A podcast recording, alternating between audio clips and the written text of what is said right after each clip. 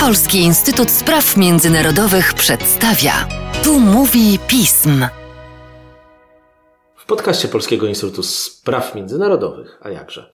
Witam Państwa Łukasz Jasina, a moim gościem jest dzisiaj z drobnym, ale moim zdaniem ważnym, bo to jest jednak kwestia pewnej uniwersalizacji wydarzeń opóźnieniem, Mateusz Piotrowski, nasz specjalista od spraw amerykańskich, z drobnym podsumowaniem z pewnego dystansu pierwszej zagranicznej podróży Joe Bidena, nie podobnej trochę do tej pierwszej podróży Donalda Trumpa, ale mającej tylko jeden wspólny punkt, szczyt Stany Zjednoczone, Unia Europejska. Cztery lata temu były jednak odwiedzone takie kraje jak Arabia Saudyjska, Izrael, a teraz zupełnie inaczej to się potoczyło. Trzy punkty podróży Joe Bidena, szczyt G7 w Cornwalli, połączony z wizytą państwową w Zjednoczonym Królestwie, co jest jedną rzeczą ważną, szczyt NATO w Brukseli, połączony też ze szczytem z Unią Europejską i na końcu rzecz, która nas wszystkich Polaków najbardziej obchodziła, czyli spotkanie z prezydentem Rosji Władimirem Putinem.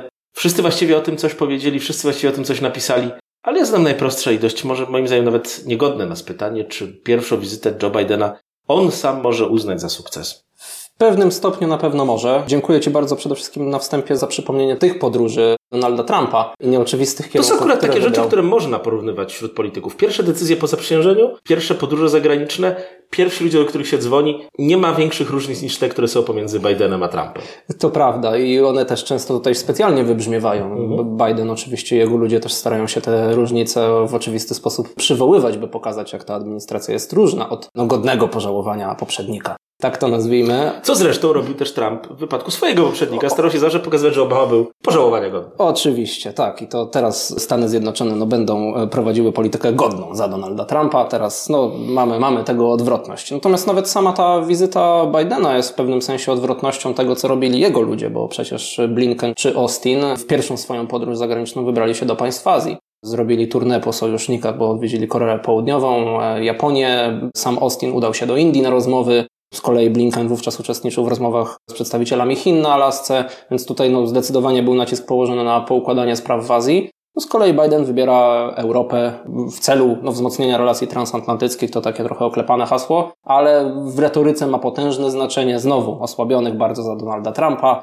osobiste zaangażowanie Bidena, no doświadczonego, nie możemy mu tego odebrać w polityce zagranicznej, być może najbardziej Od doświadczonego ponad 40 prezydenta. lat jednak uczestniczącego w jej tworzeniu, jako jeszcze senator. Jako senator tak, ale on bardzo często był angażowany przez władzę wykonawczą, choćby za administracji Reagana był włączany jako przedstawiciel kongresu w rozmowy z ZSRR wówczas na temat rozbrojeń, więc on to zna nie tylko z raportów władzy wykonawczej, ale z osobistego zaangażowania, więc to jego doświadczenie jest nie do przecenienia. Natomiast no tutaj te drobne elementy różnic politycznych między republikanami a, a, a demokratami też oczywiście wybrzmiewają i Biden stara się to na każdym możliwym kroku podkreślać. Cele właściwie, jakie Joe Biden miał postawione przed samym sobą, jakie stawiał swojej polityce przywróceniu Stanów Zjednoczonych, bo to właściwie chodzi o przywrócenie Stanów Zjednoczonych na pozycję światowego lidera. Nie tylko w zakresie wydatków na siły zbrojne, potencjału gospodarczego, ale przede wszystkim jako obrońcę pewnego systemu wartości cywilizacji zachodniej, nazwijmy to państw demokratycznych. Promowanie przestrzegania praw człowieka, prawa międzynarodowego, to szczególnie mocno wybrzmiewa za prezydentury Bidena i jego bezpośrednie zaangażowanie w te kwestie, a nie tylko choćby najwyższych doradców, ale jednak nie jego samego, no jest tutaj, jest tutaj kluczowe i ono też miało w trakcie tej podróży europejskiej bardzo silnie wybrzmieć. Natomiast no, były twarde, nazwijmy to, cele postawione przed polityką Stanów Zjednoczonych. Zacznijmy od Cornwalli. Twarde cele G7. Oczywiście, no przede wszystkim zaangażowanie globalne państw w odbudowę po pandemii, właściwie najpierw w pierwszej kolejności w zwalczanie pandemii. Mamy tutaj przecież deklarację mhm. przekazania miliarda szczepionek setce państw rozwijających się, no ale znacznie uboższych od tutaj nie możemy tego ukrywać od państw G7, to oczywiście musimy z, z, pewnej perspektywy spojrzeć na to. To jest deklaracja przekazania do końca 2022 roku tych szczepionek, a więc biorąc pod uwagę już obecny czas trwania pandemii, no to jeszcze jest perspektywa bardzo daleka. Zobaczymy, jak się poszczególne państwa do tych deklaracji ustosunkują z państw G7. Same Stany Zjednoczone mają dołożyć no, połowę tej puli, to, to, to jest ogromna liczba. I biorąc pod uwagę, ile tych szczepionek Stany Zjednoczone sobie zakontraktowały co do zakupu, jak przebiega program szczepień w Stanach Zjednoczonych, no to jest to cel zdecydowanie do wykonania. I akurat z perspektywy amerykańskiej bardzo bo wątpię, Biden nie chciał się z niego wywiązać, bo no, to będzie jeden z pierwszych takich testów tego, czy Stany Zjednoczone poza samą retoryką faktycznie wracają na też pozycję przywódcy. Akurat na tym bardzo wiele wygrywa na rynku wewnętrznym, bo to jest wspominana też przez Ciebie w poprzednich podcastach sytuacja szczepionkowa w Ameryce, która się bardzo zmieniła. Kwestie klimatyczne zdaje się też jeszcze wychodziły trochę, co także nie było za czasów prezydentury Trumpa chyba jakimś specjalnym, ważnym celem. Absolutnie. Amerykańskiej polityki. W retoryce zmieniło się to bardzo, znowuż też wewnętrznej. E, o, o, zmiany klimatu są przywrócone w tymczasowych, co prawda, dokumentach na, na stałe dokumenty strategiczne nowej administracji jeszcze czekamy, to normalna sytuacja, ale już widać, że zmiany klimatu są przez nową administrację, tak jak były przez administrację Obamy, uznane za zagrożenie dla bezpieczeństwa narodowego. Więc to jest bardzo, bardzo wyraźne wskazanie. No, administracja Trumpa od tego odeszła. No, a już w poszczególnych wypowiedziach, czy samego Trumpa, czy członków administracji było też widać wyraźne powątpiewanie w to, czy w ogóle zjawisko zmian klimatu jest prawdziwe, czy to nie jest lobby e, klimatyczne, czy branży no, nowych technologii w energetyce. Zostawmy może to.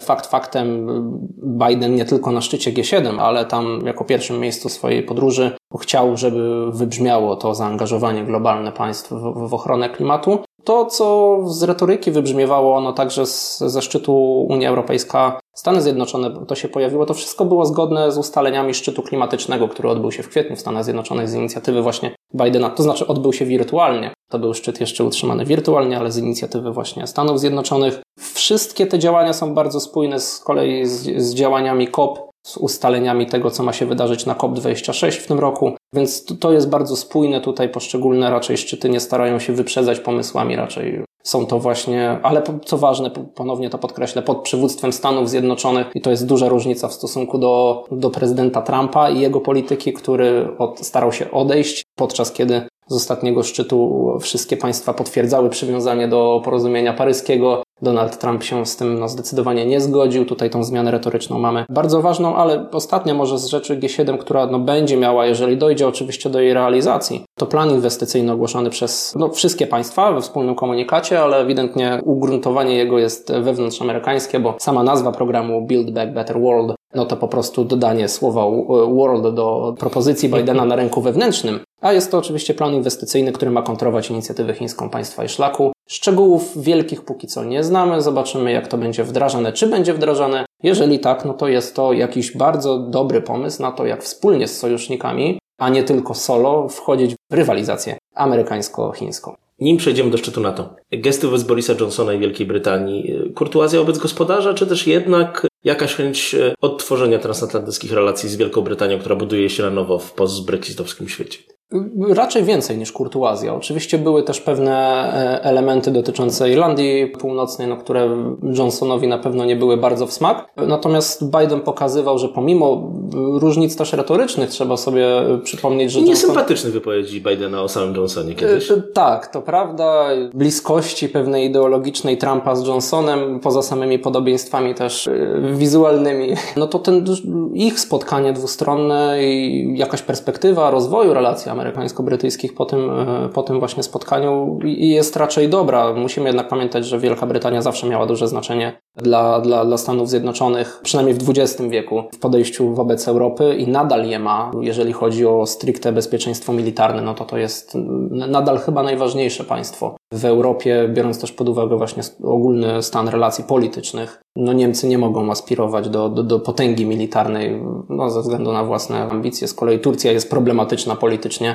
Wyjście Wielkiej Brytanii z Unii Europejskiej na pewno było pewnym ciosem dla Stanów Zjednoczonych, bo ten wpływ głosu no, brytyjskiego całkowicie z Unii wypadł. Tym niemniej te relacje, specjalne relacje, jak się o nich mówi, e, jak są często określane, widać, że jest potrzeba odbudowy, przyjęcie nowej karty atlantyckiej jest znowuż pewnym elementem symbolicznym, no ale jednak wskazuje na to, że raczej tutaj nie ma miejsca na to, żeby się na siebie gniewać, kłócić o jakieś detale jest potencjał, by rozbudowywać te relacje, być może przyjąć jakieś porozumienie handlowe, bo na pewno Brytyjczykom byłoby to na rękę, z, z, racji, że już w Unii Europejskiej nie są. Oczywiście zależy od tego, jak korzystne byłoby to porozumienie dla Stanów Zjednoczonych i dla samej Wielkiej Brytanii, ale potencjał ewidentnie do rozmów za prezydentury Bidena jest, nie muszą przeczekiwać tej administracji, to jest dla nich dobra wiadomość. Szczyt NATO u nas w Polsce głównie analizowany przez pryzmat tego, kto się z kim spotkał, gdzie, jak, którędy, ile było flaki, kto miał większy korytarz twarde decyzje natowskie.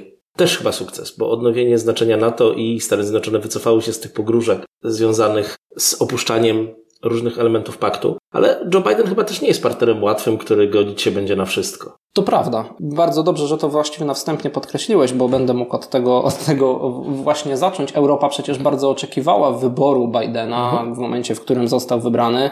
Doszło no, w niektórych przynajmniej państwach europejskich do bardzo dzikiej euforii, jeżeli mogę to tak określić, która no, została już w niektórych przypadkach zweryfikowana. No mieliśmy, to też czasami była euforia wynikająca z kwestii szalonego króla, jak to nasz dyrektor nazwał w jednym ze swoich esejów kilka lat temu. Donald Trump był politykiem bardzo nieprzewidywalnym, a po Joe Bidenie spodziewaliśmy się przynajmniej stabilizacji. Tak, i to trzeba powiedzieć, ta stabilizacja faktycznie wróciła. Przywiązanie, podkreślanie przywiązania Stanów Zjednoczonych do artykułu 5 traktatu waszyngtońskiego, potwierdzenia tego, że Stany Zjednoczone będą wypełniać swoje zobowiązania sojusznicze. Oczywiście no, są tylko retoryką w pewnym sensie. Jeżeli ktoś jest twardym realistą, to będzie twierdził uparcie, że to są tylko słowa, które ostatecznie mogą nic nie znaczyć, ale na pewno są to słowa znacznie różniące się od tego, niż znacznie różniące się od zapowiedzi wycofania się z NATO i kalkulowania kosztem amerykańskiego podetnika, co ostatecznie skończyło się wprowadzeniem na gruncie amerykańskim ustawy, która blokowała prezydentowi możliwość wycofania się z NATO bez zgody kongresu. Więc tutaj znowuż retoryka no miała bardzo duże znaczenie. Ale jeżeli chodzi o kontekst amerykański, i szczyt NATO, bo w szczegóły samego szczytu dla sojuszu nie będę wchodził, to już Wojtek Lorenz doskonale zrobił i jego komentarz i podcast oczywiście myślę, że polecamy w tym, w tym kontekście. Zawsze warto sobie przypomnieć. Bo... Otóż to, ale dla Stanów Zjednoczonych na pewno ważne jest to, że w komunikacie końcowym NATO pojawia się, pojawiają się Chiny i są one uznane za systemowe wyzwanie dla porządku międzynarodowego. No to jest coś, co no, Stany Zjednoczone, trzeba powiedzieć, lobbowały y, za tym, żeby to się znalazło już za prezydentury Trumpa oczywiście. I Jens Stoltenberg no, zdecydowanie na tą potrzebę amerykańską odpowiedział. Widać, że NATO w jakiś sposób próbuje ukierunkować się na Chiny, być może nie przerzucając całą swoją siłę militarną do regionu Indii i Pacyfiku, ale jednak jakoś odpowiedzieć na te potrzeby amerykańskie chcą. Tym samym jest zaangażowanie w walkę ze zmianami klimatu potrzeba pokazania, że dostrzegamy wyzwania obecne. Jest przecież, nie chodzi tu o to, by, by eliminować y, plastik w sojuszu, ale jednak zwracać uwagę na to, że zmiany klimatu zachodzą i można podjąć działania, które no, będą dążyć do jakiejś neutralizacji negatywnych skutków. Dochodzi kwestia Arktyki, która no, ma znaczenie, jeżeli chodzi o, o bezpieczeństwo, też natowskie, euroatlantyckie, a zmiany klimatu jednak na, na drożność, że, jeżeli tak to mogę nazwać, Arktyki y, wpływają. Oczywiście Oczywiście to już bardziej ustalenie natowskie, ale ważne. Wydaje mi się dla Amerykanów też, biorąc pod uwagę, że to Stany Zjednoczone po zakończeniu zimnej wojny były pierwszym głosem, które to promowały, czyli potwierdzenie polityki otwartych drzwi. Dla nas ważne w latach 90., dla naszych sojuszników z regionu no, ważne w latach późniejszych, dla Ukrainy, Gruzji, które tam, członkami NATO nadal nie są. No bardzo istotne, że nadal to potwierdzenie z, ze szczytu na szczyt się odbywa, NATO nie zamyka e, drzwi, nie odpuszcza możliwości, by dalej się rozszerzać. I rzecz, którą właściwie będziemy to kończyli, dużo się w Polsce oczywiście mówiło o kolejnym szczycie, Genewa, Biden, Putin. Zaczynając od tego, co mówiłeś, Rosja się jednak częściej niż Chiny pojawia w komunikacie NATO. I czy Joe Biden pobawmy się w symetrystów, wyjechał z Genewy z tarczą. To się chyba dopiero okaże, wydaje mi się. Putin na pewno w krótkim terminie, przynajmniej ja tak to oceniam, wyjechał z tarczą, ponieważ doszło do tego szczytu, on mógł się spotkać, to w pewnym sensie legitymizowało jego politykę, jego działania. Szczyt był na pewno ryzykowny dla Bidena w samym sensie spotkania, natomiast z drugiej strony przywódcy mocarstw muszą ze sobą rozmawiać. Taka izolacja, niespotykanie się, biorąc pod uwagę, że na poziomie roboczym relacje amerykańsko-rosyjskie też zamarły w ostatnich ostatnich miesiącach czy nawet latach nie były prowadzone na tym poziomie roboczym rozmowy, co, co jest no, w przypadku dwóch mocarstw jądrowych stanowi jednak zagrożenie. Ostatecznie dobrze, że ten szczyt się odbył, natomiast czy Bidenowi udało się odnieść sukces, to dopiero pokażą kolejne miesiące i tego, czy Putin trochę powstrzyma się w, w swojej agresywnej polityce. Czy też wręcz przeciwnie. Otóż to, dokładnie. To zweryfikuje, czy Biden osiągnął jakikolwiek sukces w tym szczycie, czy jednak niekoniecznie. Dziękuję Ci, Mateuszu. Czas pokaże.